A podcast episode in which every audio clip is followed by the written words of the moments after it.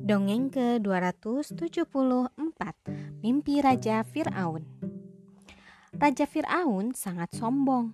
Ia menganggap dirinya Tuhan dan rakyat Mesir dipaksa untuk menyembahnya. Rakyat yang tidak patuh akan disiksa. Ketakutan menyelimuti setiap orang. Suatu malam, ketika sedang tidur, tiba-tiba sang raja terjaga oleh mimpi yang membuatnya gusar. Dalam mimpi itu, negerinya terbakar dan rakyatnya banyak yang meninggal. Ia sangat khawatir, sehingga esok paginya ia memanggil para ahli sihir. Para ahli sihir berusaha menafsirkannya. Mereka sangat berhati-hati supaya sang raja tidak murka. Tahun ini akan lahir seorang bayi dari Bani Israel.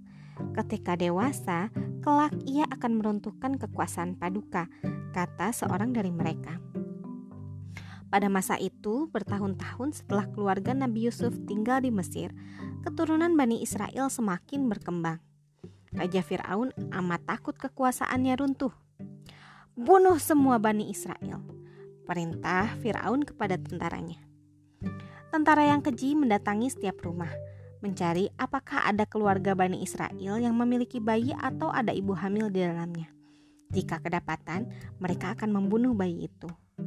Sementara itu, di sebuah keluarga Bani Israel, hiduplah seorang ibu muda yang baru saja melahirkan.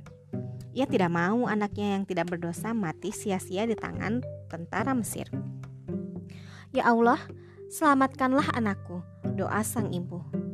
Doa tersebut dijawab oleh Allah. Ia mendapatkan ilham untuk memasukkan anaknya yang bernama Musa ke dalam keranjang. Pada malam hari, diam-diam sang ibu menghanyutkan keranjang itu ke sungai Nil.